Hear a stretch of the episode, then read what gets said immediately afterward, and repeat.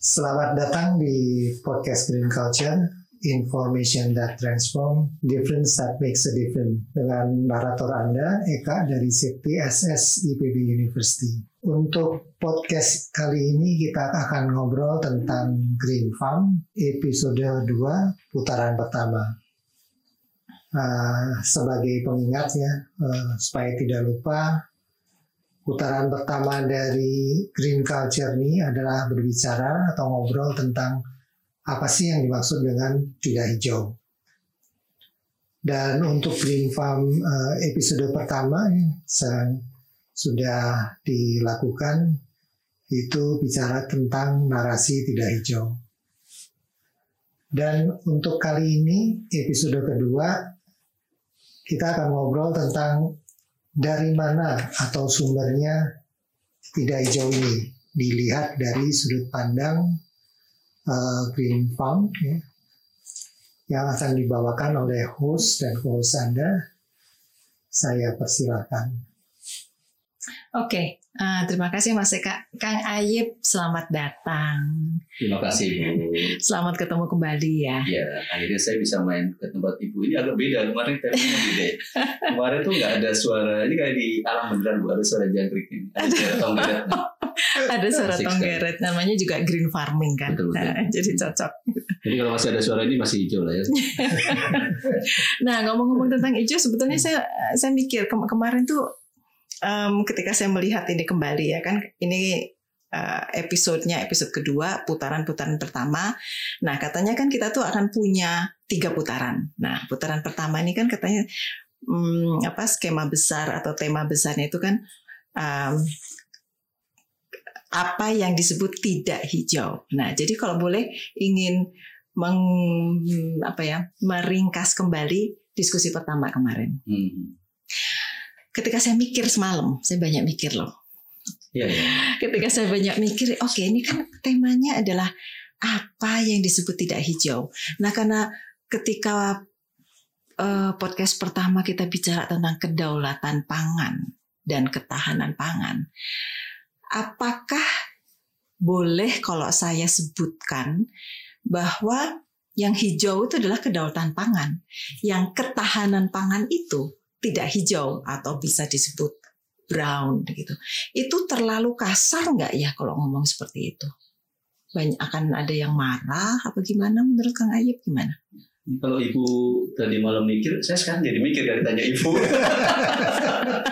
Tapi anyway ya, saya jadi ingat obrolan kita minggu lalu sebenarnya. Um, waktu itu kita mencoba mendudukan ya uh, apa itu konsep dan filosofi dasar dari uh, food security atau ketahanan pangan dengan food sovereignty atau kedaulatan pangan. Kalau Ibu juga masih ingat minggu lalu kita ngomong satu subjeknya, Mm-mm, kemudian modelnya, mm-mm. yang ketiga soal penguasaannya. Uh, nah modelnya salah satu indikasinya adalah soal model gitu ya. Kalau di kemarin kita disku- diskusinya kan diskursus food security itu lebih lebih uh, market uh, lebih uh, corporation gitu anunya ya Uh, apa uh, modelnya mass production dan seterusnya. Sementara yang kedaulatan pangan kan modelnya lebih sustain karena dia dibangun dari uh, sistem yang kecil-kecil. Sementara yang security itu uh, konsepnya dibangun uh, global dan lintas lintas negara, lintas uh, benua bahkan gitu ya. Kedua soal ownership-nya, siapa pemilik sistemnya? Kalau kita bicara uh, food security yang lalu, itu kan market yang punya, Hmm, korporasi, oke. atau bahkan negara-negara yang yang besar. Sementara yang kedaulatan itu justru uh, ruangnya ada di para produsen pangan kecil, skala kecil, rakyat dan negara baru naiknya ke sana gitu. Dan yang terakhir kan soal uh, kuasanya di mana tentu saja ketika ini uh, ownership-nya ada di petani maka right-nya itu ada di produsen di petani kecil yang nyatanya minggu lalu kita sempat singgung juga bahwa 73% pangan yang beredar di dunia ini raw materialnya menghasilkan petani kecil. Tapi Hmm. sayangnya kan waktu itu kita obrol juga penik- penikmat terbesar dari kue keuntungan rantai pangan itu justru bukan di produsen uh, produsen. raw materialnya gitu, tapi Hmm. justru di industrial. Hmm. Nah, se- eh, sehingga kalau menurut saya sah-sah saja kalau kita katakan bahwa dan banyak juga ahli yang mengatakan bahwa sesungguhnya pendekatan eh, kedaulatan pangan itu lebih green tanda kutip ya, Hmm. lebih green dibandingkan dengan uh, food security. Gitu. Karena tadi setidaknya tiga hal itu gitu. Nah hal yang lain saya kira uh, menjadi soal ada yang marah atau enggak ya biasa saja kan boleh berbeda gitu boleh berbeda uh, boleh marah juga gitu. Tapi saya uh, yakin dan percaya yang kita persoalkan sebenarnya kan kemarin itu bukan tujuan dari uh, food security atau uh, food security-nya, bukan tujuan akhirnya. Tujuan akhirnya kan kita sepakat bahwa uh, pembangunan pangan pertanian di dunia di negara mana pun tujuan akhirnya adalah terpenuhnya kata pangan setiap individu Mm-mm. supaya dia sehat bisa aktif bekerja secara secara baik gitu. Tapi problemnya adalah yang kita persoalkan kemudian caranya yang kemudian tidak green itu. Oke, Ya. termasuk yang homogenisasi itu ya, Persis. monokultur di mana-mana Hmm, itu. persis. Iya. Ya, Oke. ya. Oke, jadi itu kurang lebih bisa dikatakan wrapping up uh, dari podcast pertama gitu ya. Ya, ya dan kalau saya ingat juga minggu lalu sempat juga kita ada satu pertanyaan kan kemudian kalau kita dudukan itu dalam dua kutub yang satu green satu ibu istilah tadi brown atau mungkin saya ngomong red misalnya Mm-mm.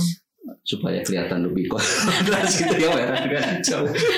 Nah em, pertanyaan logisnya kan kemudian eh, bagaimana sesungguhnya kita supaya bisa nyampe ke green itu gitu, supaya nyampe daulat pangan itu. Dan saya kira obrolan kita hari ini terus ke depan juga mungkin akan coba preteli gitu. Mm-mm. Eh, dan harapannya sih yang dekat dengan dengan kita ya. Misalnya hari ini mungkin baik juga kalau kita ngomong soal mulai dari piring untuk Hmm. menuju ke pembahasan itu. Eh, nanti mungkin kita coba juga ngomong soal eh, lahannya kayak apa, Oke. manusia petaninya kayak apa. Itu juga saya kira jadi menarik untuk kita urai pelan-pelan. Iya, iya. Gitu. Jadi hari ini kita akan ngomong tentang mak pangan apa piringnya itu ya, Hmm, sehingga memang makanannya. temanya kan adalah kita adalah apa yang kita tanam dan kita makan. persis, persis. Nah, kalau di bahasa sono biasanya ngomongnya you are what you eat and what you plant. Hmm, hmm. Gitu. Oke, jadi kalau untuk eh, topik itu untuk podcast kedua ini em, kita mulai dari mana nih? Apa kita mau ngomong dari pola konsumsi makanan kita dulu atau dari mana? Kang. Ayib enaknya ngobrol dari mana dulu? Saya nanya ibu dulu ya. Oke, dibolak balik. Kesepakatan kita kemarin gitu kalau ngobrol kan harus dua arah kan Iya. supaya enak gitu. Tiga arah juga Mas. Oh tiga arah sama Mas Eka. Oke, saya tanya Mas Eka kalau gitu kan ibu udah saya tanya. Mas Eka Kadang-kadang sa- nyela, Hah? kadang-kadang saya nyela. Oh iya boleh. Mas Eka kalau sahur apa aja sama apa nih tadi malam? Mulai dari situ bu, ingat. sahur, sahur tadi pagi apa ya? Nasi sama rendang ya. Nasi sama rendang. Iya. Oke. Iya iya iya. iya. Kalau ibu Kalau saya hanya roti aja, roti. Wih, wih ini nih. ini. gandum. Oh, berarti. iya iya iya. iya. Enggak, saya nggak mau. saya tidak mau menuduh itu. Oops, Oke. sorry. Ya, eh, saya kira menjadi menarik sebenarnya kalau si- apa di sini kita ngomongin gitu piring. Gitu. Hmm. Kenapa? Karena seperti Ibu sampaikan tadi, kita itu ditentukan eh, dari apa yang kita makan, dari apa yang kita tanam gitu. Dan sayangnya kalau kita kontraskan dengan sekarang, itu justru piring kita kalau mau kategori ada piring hijau, piring coklat kata Ibu tadi, sebagian besar jangan-jangan udah coklat atau merah Bu. Iya. Kalau ngomong soal eh, green ya, green dalam arti bahwa eh, apa yang kita makan harusnya itu cermin dari eh, konsep dasar dari si kedaulatan pangan itu tadi gitu. Hmm. Balik ke yang lalu ya. Jadi pertanyaan sederhananya kan kalau ngukur ke tadi yang kita sampaikan di awal, piring itu diisi oleh makanan yang dibuat oleh siapa? Yang diproduksi oleh siapa? Hmm. oleh jenis pangan apa saja, berasal dari mana, bagaimana prosesnya. Saya sampai sekarang pertanyaan itu selalu saja me- apa namanya eh, berputar-putar di, di pikiran saya. Setiap ketemu, terutama te- kawan-kawan baru, anak-anak muda terutama bu. KRKP pernah bikin survei 2018 eh, di Kota Bogor, salah satunya. Itu pengen nguji juga. Pertanyaannya, piringmu itu seberapa hijau gitu gitu lah. Nah, eh, dari survei itu itu kelihatan banget bahwa satu mereka tidak nyaris ya nyaris sebagian besar responden waktu itu tidak tahu siapa yang menanam Hmm. yang mereka makan itu di piring itu kedua dari mana juga nggak tahu Hmm. bahkan ada yang nggak kenal jenis pangan yang lain selain yang biasa dia makan Hmm. Uh, saya mau katakan bahwa relevan kita ngomong piring kita dalam konteks green dan isu kedaulatan pangan tadi karena hari ini seperti tadi Pak Eka uh, mohon maaf nasi dengan uh, daging misalnya ibu bahkan dengan uh, roti, misalnya, Roti gitu ya. doang. Nah ada satu prinsip dasar kalau di ilmu gizi dulu saya sempat ikut dengerin dosen saya aku ngajar gitu ya. Ada rumusnya gini, tidak ada satupun jenis pangan yang mampu memenuhi semua kebutuhan pangan manusia. Zat gizi maksudnya, zat gizi uh, manusia. Zat Yeah. gizi kan kita Yeah. bisa uh, kita juga paham ada mikro dan uh, makro ya. Mm-mm. Dan nggak ada satupun Mm-mm. uh, pangan yang bisa memenuhi bisa memenuhi semuanya. Iya. Ya. Pasti. So kalau begitu, kalau ada orang yang percaya makannya, mohon maaf saya jadi ngomongin ibu nggak apa-apa ya karena orang ini nggak ngomongin kan di depannya. Nggak apa-apa, nggak apa-apa. Nah misalnya uh, ibu mah hanya makan roti gitu. Pertanyaan besarnya kemudian apakah cukup dengan roti untuk memenuhi tadi supaya kita hidup sehat, uh, Iya. bisa bekerja dengan produktif. Mm-mm. Kalau polanya hanya kayak gitu terus mungkin agak agak berat ya, Mm-mm. agak berat. Mm-mm. Kurang Dan. Dan persoalannya fenomena ini sudah hampir terjadi pada semua kelompok eh, masyarakat, strata sosial. Ada surveinya eh, BPS 2018 menunjukkan masyarakat berpendapatan meneng- menengah ke bawah atau bahkan bawah di pedesaan itu kon- pola konsumsinya makin kayak kayak tadi yang kita Kayak makan hanya satu dua ya. jenis saja. Mm-mm. Mm-mm. I- itu tren yang dari tahun kalau data saya 9 eh 2013 ke sini itu makin makin kelihatan.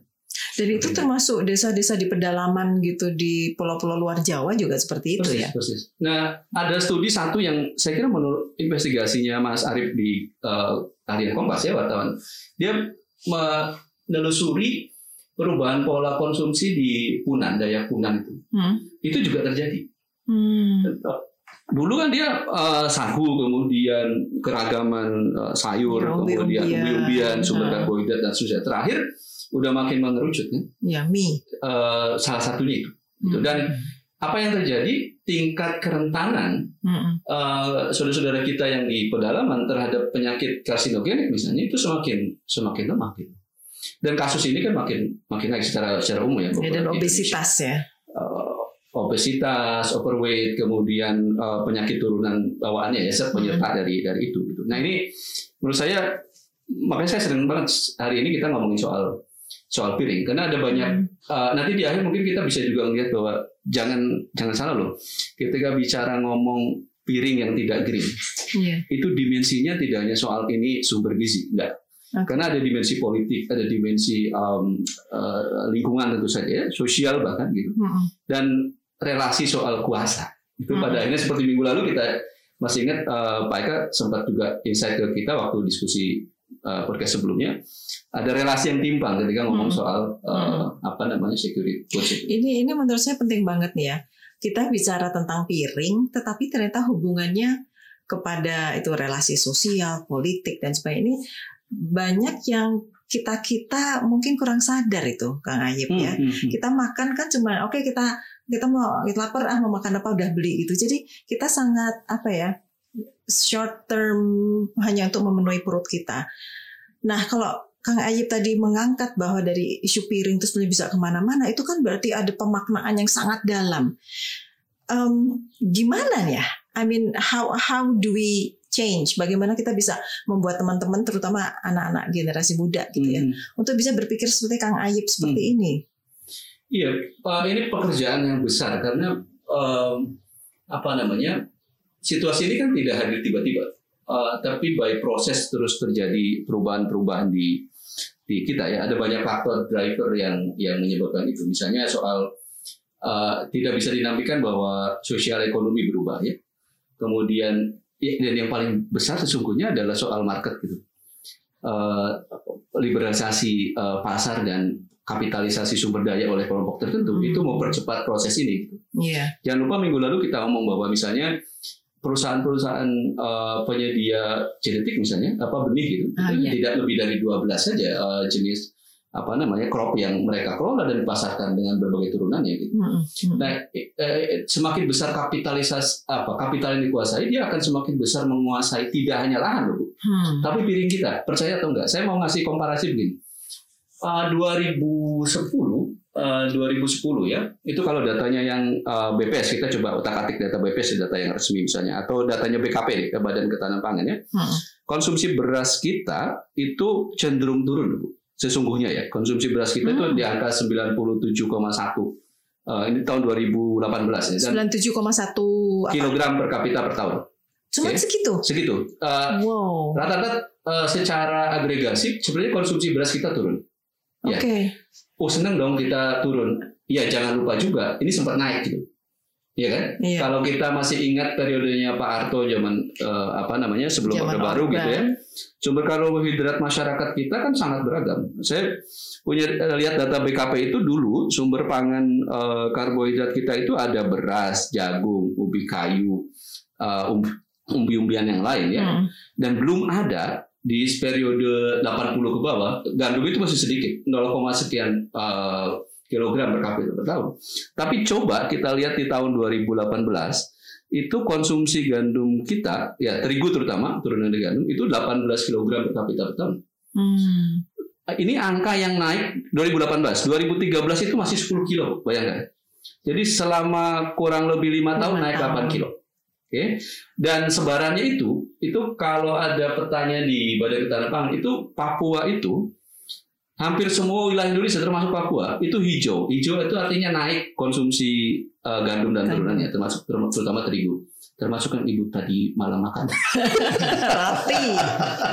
gitu ya atau pingsan dan seterusnya. Nah, eh, saya mau katakan bahwa satu saat jangan sampai ini mudah-mudahan nggak terjadi ya. Hmm. Kalau saja terjadi satu saat bahwa kebalik proporsi pengu, apa konsumsinya jag- eh, si gandum yang paling pertama, kemudian beras eh, dan yang lain ke bawah-bawahnya, maka hijaunya makin enggak, eh merahnya makin tokat. Kenapa? Karena sampai saat ini kita tidak menanam gandum. Betul. Oke. Yang kedua yang menguasai produksi gandum itu bukan petani kita, bukan juga negara kita. Kalau mau ngomongin sampai ke teknis misalnya, berapa banyak footprint yang dihasilkan untuk mengangkut satu kilogram gandum Hmm. dari eh, mana? Eh, Dari Rusia, Rusia, dari dari Amerika. Amerika, eh sorry dari Eropa Timur misalnya sampai Hmm. berapa emisinya? Itu ngomong soal kalkulasi yang itu. ya. Hmm. Hmm. Belum lagi soal kuasa atas kehidupan bangsa ini. Bayangkan kalau satu titik misalnya, mudah-mudahan nggak terjadi ya. Semua orang Indonesia makanan pokoknya adalah ini baru makanan pokok loh ya bu. Belum belum buah, belum sayur, belum Iya, macam-macam. buah. Ya, sampai jahe kemarin dari impor juga. Eh, apa namanya? Satu saat misalnya pangan pokok kita itu hanya gandum, coba bayangkan Heeh. dan kita nggak bisa nanam. Maka hidup kita itu kayak leher kita itu kayak ditaruh di atas eh, pisau yang kalau diputus talinya ya leher kita putus aja. Hmm. Kenapa begitu? Karena yang punya barang yang bisa menentukan. Kasus COVID 2020 yang lalu, ketika di April Mei ada guncangan COVID, semua negara yang punya barang itu menahan diri, Menahan diri. Betul. nggak mau ngeluarin karena dia pasti safety first buat eh, country dan rakyatnya kan. Hmm. Lah kebayang nggak kalau konsumsi kita justru sepenuhnya digantungkan pada negara lain, maka dignity dan sovereignty-nya sebagai nation, sebagai negara udah hilang. Hmm. Hmm. Ini makanya saya tadi bilang ketika ngomong piring itu dimensinya jadi sangat sangat luas. Sampai ke soal security, soal ke apa eh, dignity bangsa ini gitu loh. Iya. Dan sayangnya menurut saya situasi ini apa namanya laten ya laten dalam arti walaupun kita tahu ya tapi tingkat awareness orang bahwa ketika kamu makan sesuap nasi tidak hanya menentukan dirimu dulu tidak Hmm. tidak hanya menentukan siapa kamu tetapi juga menentukan bagaimana masa depan dirimu keluargamu dan bangsamu Hmm. ini menurut saya yang harus disadari dengan betul kalau sekarang ada tadi ibu di awal tadi you are what you eat gitu kalau saya nggak cuman you are tapi your family bukan your nation gitu Hmm. ini ini implikasi-implikasi yang, yang yang yang lebih besar gitu. Iya, iya. Dan mungkin itu tadi seperti ibu bilang susah yang berubahnya. Memang karena eh, apa drivernya juga eh, ekonomi kan lebih banyak. Hmm. Hmm. Itu satu sisi tuh. Belum Iya. ngomong soal lingkungan. Iya, sa- saya tadi juga ngob- baru ngobrol sama Mas Eka pagi-pagi. Saya bilang ini contoh tentang yang piring itu tadi tentang buah aja. Iya. Misalnya kita sekarang ada acara-acara di mana pun lah, kawinan kayak rapat itu. Kalau makan buah itu selalu yang dikasih kan itu itu aja semangka, ah, pisang, Pisang sunrise. Melon. melon ya. Pisang pisang sunflower lagi ya. Dia nyebut nama. Boleh Nggak nggak boleh nyebut ya? nama. Gak mau nyebut brand ya. Enggak, tapi Hmm. itu itu lagi-lagi menunjukkan pemiskinan ya, pemiskinan dalam bukan hanya dalam yang kita makan, tapi kemudian berarti eh, kalau kita ngomong homogenisasi Hmm, ya. Iya. Podcast pertama kita bicara tentang homogenisasi. Jadi kalau eh, mengingatkan kembali nih kepada para pendengar, jadi kalau kita bicara tentang ketahanan pangan, kita hanya ngomong tentang masalah perut udah kenyang, tetapi dari mana sumber dan bagaimana menghasilkannya itu kurang menjadi isu yang penting diperjuangkan gitu lah. Iya, ya. Nah, iya. di sinilah harapannya bahwa kita semua, terutama masyarakat Indonesia, ya sadar benar bahwa sebagai negara yang katanya tropis, gemah ripah, Loh Jinawi. melempar tongkat menjadi tanaman dan sebagainya, itu sering-sering hanya jadi jargon kosong gitu ya. Hmm, hmm. Katanya kita diversity-nya banyak, ada berbagai macam pangan, tapi itu gimana jargon itu bukan hanya jadi jargon aja, tapi betul-betul em, menjadi sebuah realita yang memang kita perjuangkan bersama-sama. Nah, tapi Kang Ayib ini kan kalau udah ngomong gini nih susah karena ketika kita bicara tentang industri ya kemarin kemarin kita by the way ngobrol- ngobrol-ngobrol tentang uh, green industry nih Hmm. sama BCSD. Nah, itu dia mengatakan bahwa ujung-ujungnya walaupun memang green industry kemudian kita berbicara lebih pada level private sector ya. Iya. Tapi yang menarik diangkat oleh teman-teman di BCSD yang kemarin mengatakan bahwa sebetulnya ini semua tentang budaya kok. Hmm. Dia ngomongnya gitu juga. Iya, iya, iya. Ya, so it comes back to the culture. Hmm. Nah, jadi kalau mau dilihat, eh berarti sekarang kita sudah ada pergeseran budaya dari dulu budaya yang makan lokal dan apa itu tadi ada ubi-ubinya dan yang sekarang beragam ya. Ya beragam dan sekarang pola pola konsumsi kita dengan sendirinya menjadi seperti eh, monoculture atau makin homogenisasi itu. Hmm. Nah, ini tadi Kang Ayib mengatakan bahwa implikasinya ini itu adalah ke bukan hanya ke gizi juga ya, tapi kemudian eh, makin terpuruknya produsen-produsen lokal Hmm. ya. Hmm. Nah, jadi em, kalau mau kita persiapkan juga untuk podcast berikutnya ya, kalau putaran kedua kan kemudian memasuki isunya adalah isu tentang ada apa di balik itu. Benar Nah. sekali. kalau mau nyuri-nyuri sedikit ya. Sebetulnya kan ini Kang Ayib udah menga- mengarah kepada ke situ ada apa di balik itu? Kenapa sih nggak? Nah, itu sebenarnya udah udah udah diterangin juga sebetulnya sejak sejak awal gitulah ya Iya, ada iya, apa di balik itu. Nah tapi em, kemudian is there hope? Nah Hmm, hmm, hmm. Nah, itu mungkin harusnya lebih harapannya ya. Dan dengan podcast ini teman-teman kemudian kita ada kesadaran bersama-sama. Jadi adanya apa ya istilahnya mungkin critical mass ya. Critical mass itu masa yang kritis terhadap eh, apa nih bahaya ya bahaya yang sedang kita hadapi bersama-sama kalau kita tidak segera melakukan perubahan. Iya. Nah KRKP sendiri apa perjuangan-perjuangan yang dilakukan untuk ini? Hmm. Ya, em, saya kira memang situasi ini nggak bisa hanya dilakukan oleh eh, apa oleh akademisi seperti eh, Ibu atau Pak eh, Eka atau oleh saya dengan teman-teman di NGO nggak bisa. Menurut hemat saya eh, perlu keterlibatan eh, semua semua pihak, termasuk tadi kalau ngomong soal industrial gitu ya. Kalau memang ada bisa dorong green industrial di sektor pangan yang itu milik miliknya eh, dalam negeri, saya kira kenapa nggak Bagus. lebih bagus gitu ya. Nah, eh, dan yang kedua saya kira Bu eh, sebelum ke tadi apa yang eh, KRKP coba inisiasi gitu ya. Hmm. Eh, tidak kalau saya sekarang pada kondisi sekarang yang dibutuhkan tidak hanya soal eh, kekritisan dari para pihak stakeholders itu, tetapi yang perlu didorong adalah kritis dan aksi Oke. walaupun kecil. Uh, menurut hemat saya, saya sepakat dengan uh, tadi ibu katakan bahwa gerakan kedaulatan pangan itu karena tadi disandarkan pada nilai diversity dan locality itu kan ngomongin soal culture sebenarnya. Hmm. Jadi gerakannya menurut saya uh, industrialis industrial yang hari ini menguasai sistem pangan, kalau saya masih percaya bahwa gerakan kultural yang bisa men- menjawab Hmm.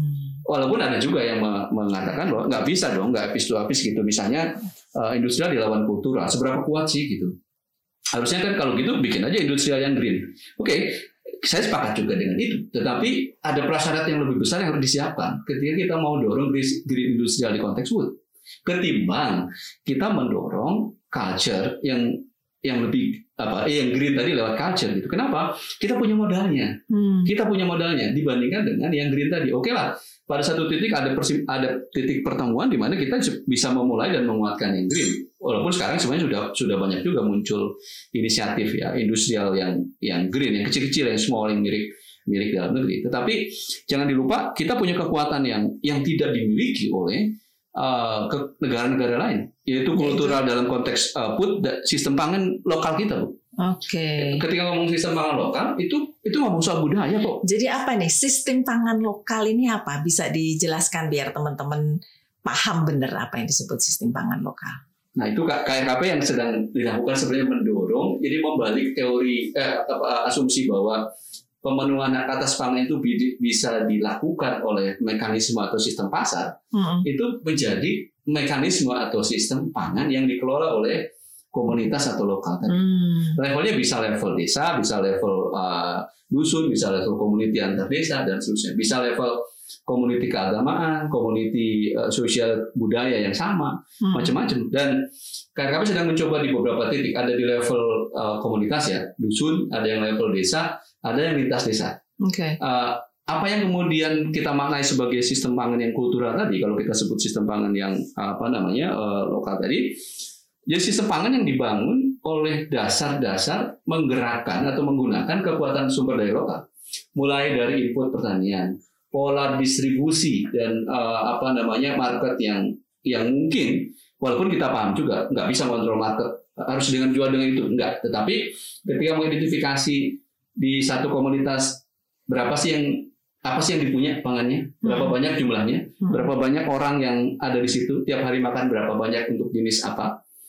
Kalau ini cukup bisa bahkan untuk nyimpan kalau kurang maka koneksi dengan komunitas yang lain dengan desa yang lain yeah. makanya kita bangun tadi sistem pangan yang yang lokal gitu ya hmm. nah yang lain soal uh, apa namanya keragamannya yang didorong kan? dengan sistem pangan yang lokal yang milik mereka mereka bisa menanam apa pun yang mereka mereka bisa tumbuh di situ karena basisnya sumber daya lokal secara lingkungan akan lebih sustain karena dia nanam apa yang cocok di situ apa yang dia suka apa yang dia dia punya coba bayangkan sekarang kenapa di piring kita makin seragam karena semakin sedikit yang kita tanam hmm. jenis dan uh, apa genetik dan uh, wilayah yang kita tanam betul dan dari itu implikasinya ya logik gitu loh.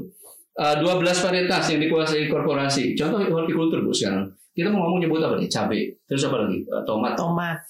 Berapa sih yang yang yang genetik asli yang di masyarakat yang masih ada? Hmm. Atau talas Bogor deh. Saya kemarin ngobrol sama oh, iya. Pak Dr. Widodo. Makin habis. Hmm. Makin nggak ada. Makin Tals. mungkin tiga atau empat saja. Padahal dulu kata Pak Widodo riset beliau ada 10 atau 15 hmm. gitu. Bahkan pisang loh. Pisang itu kan ah, sebetulnya ah, kan macam-macam. Ya sekarang yang paling diingat kan yang kuning yang panjang tadi disebut Pak Eka tadi. saya nggak mau nyebut kan, Kagak saya nggak mau nyebut nama. Cuma merek. Iya. Ya, padahal kita punya pisang dari yang biru. Oh, Ibu pernah nggak warna biru? Iya iya pernah. Yang pernah, warna yang, gold pernah yang merah. Uh, yang gold, yang merah. Iya.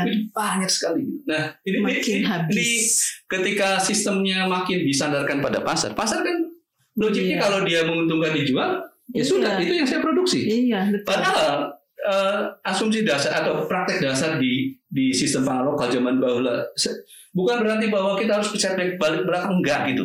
Uh, Saya ingin mengatakan bahwa sistem pangan lokal itu justru value-nya yang yang dicoba hmm. di apa diletakkan dengan kuat bahwa teknis nanamnya dengan kekinian teknologi 4.0 dia itu teknologinya gitu tetapi hmm. filosofi dan value dasarnya itu loh. Hmm. Kalau sekarang kan orang ada gerakan kan sekarang balik ke ke anywhere kan jadi food anywhere. Hmm karena kehilangan jejak tadi kalau selama hampir satu dekade terakhir kan foodnya yang terjadi kan food food everywhere kita nggak pernah tahu itu makanan dari mana gitu loh hmm.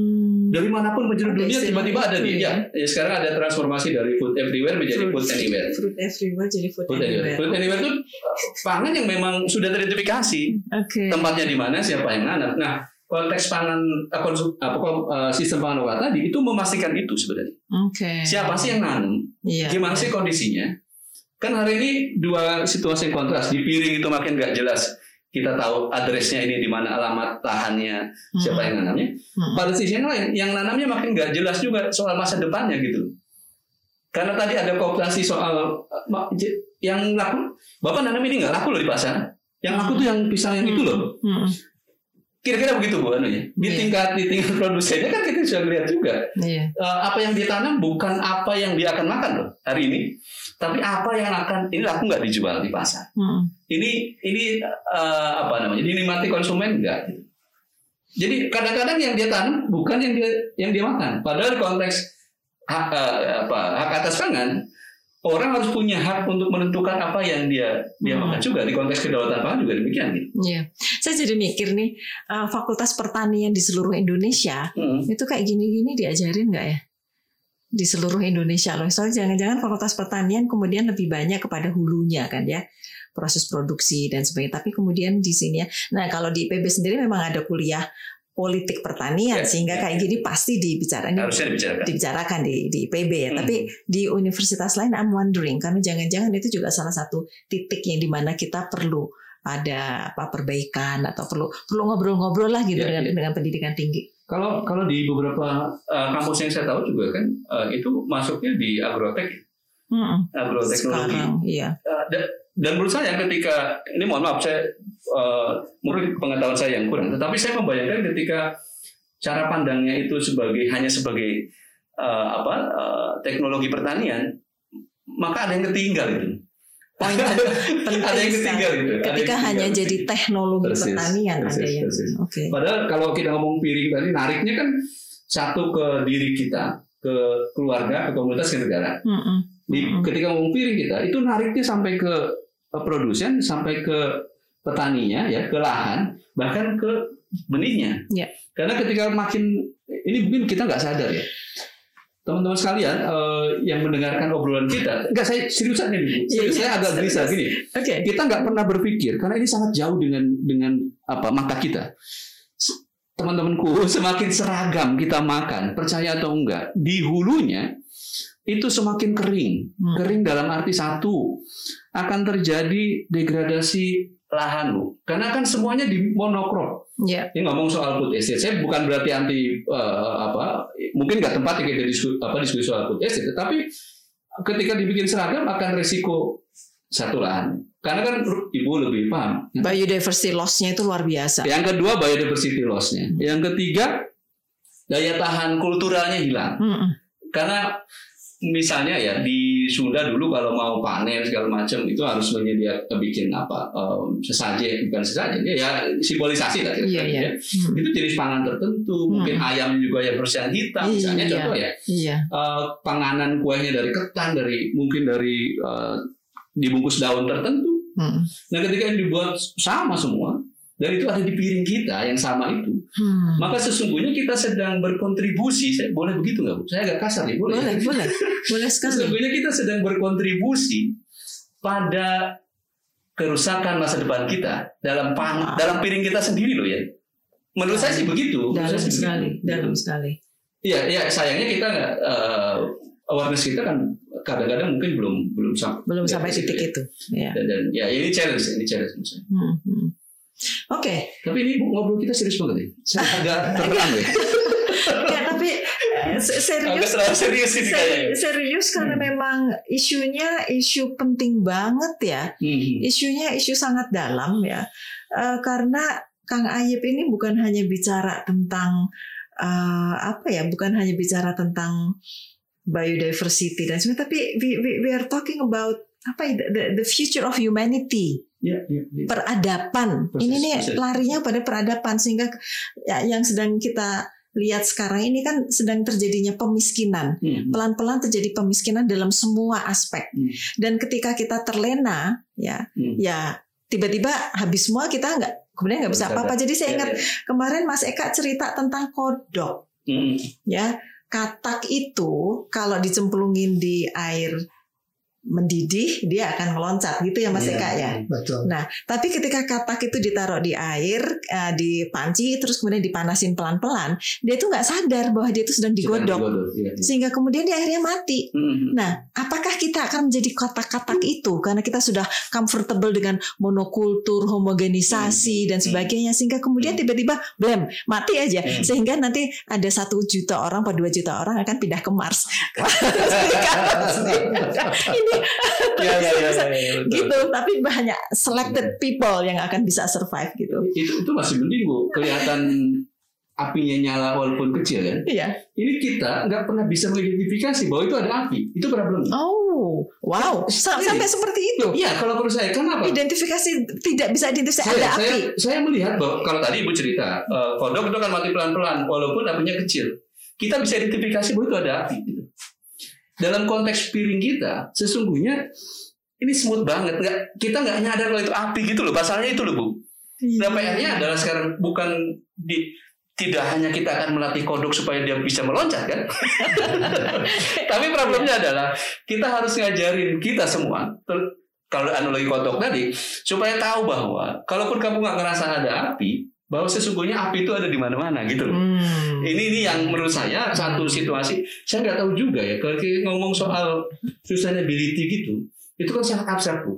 iya Iya kan benda yang Iya. sesuatu yang ah nggak apa-apa saya dari kemarin makan gini-gini aja tuh petani masih nanam Iya. tuh Iya. saya masih bisa beli tuh Betul. masih ada tuh pisang walaupun jenisnya tadi mungkin sedikit gitu iya karena sesuatu yang apinya tuh nggak kelihatan beda misalnya kita melihat tiba-tiba saja uh, pulau jauh jadi gurun itu iya dalam sekejap gitu bisa kelihatan gitu itu Hmm. itu mungkin lebih lebih ini ya Mm-mm. lebih nyata lah ini persoalannya yang kita hadapi tidak hanya challenge-nya adalah di soal alamnya tetapi di soal dibalik itu yang merubah yang kita kadang-kadang lupa bahwa api itu ada yang menciptakan Hmm.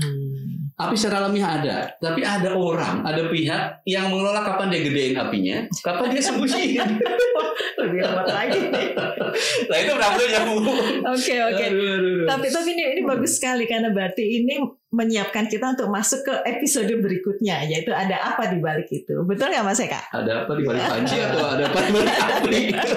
Mungkin Iya, iya. eh, di balik itunya bahkan bisa dikerucutkan lagi di balik itunya adalah kenapa kok bisa tidak tahu bahwa ada api gitu ya. Hmm, hmm. Nah, jadi diharapkan untuk podcast selanjutnya akan lebih menarik membahas kenapa bisa begitu. Cuma kalau boleh eh, sumbang eh, pemikiran, sumbang saran ya. Kalau menurut saya sih eh, tidak aware bahwa ada api itu karena dalam alam ini kan semua itu ada time delay. Hmm. Tidak tidak hari ini begini langsung akibatnya saat itu juga. Mm-mm. Itu kan hanya terjadi di handphone ya. Ya, pesan makanan terus datang 15 menit. Betul, betul, betul. Ya. Betul, betul. Nah, nah orang maunya eh, kayaknya alam ini juga dijadiin handphone gitu loh. Hmm. Yang suatu sumber yang tidak berbatas dan cepat gitu. Hmm, hmm, Kira-kira mungkin teasernya di situ ya untuk hmm. untuk putaran kedua ada apa di balik ini semua ya. Oke, oke. Jadi untuk saat ini mungkin udah dulu begitu. Iya. Iya. Nah, Wah, lagi ngegas kenceng. Lagi. Harus lagi. Tapi biar penasaran supaya Biar yang dengerin penasaran. mungkin ada yang penasaran semua Iya. belajar gitu ya. Dan dalam uh, podcast berikutnya mungkin kita akan mengundang narasumber lain ya Boleh, Kang. Ayub ya. Iya, bisa. Misalnya bisa Mas David belajar. kita. Ya, ya. cakep. Kita Saya kemarin ajak. pikir begitu juga. Oke, Mm-mm. iya. Jadi mungkin terima kasih Kang Ayub. Iya, sama-sama. Ya, Ya, terima kasih. Kang Ayub. Nah, Terima kasih Bu Dami. Dan- Sekian untuk podcast kali ini dan kita akan bertemu di putaran kedua berikutnya. Mm-mm. Oke. Oke. See you soon. Terima kasih. Sampai jumpa.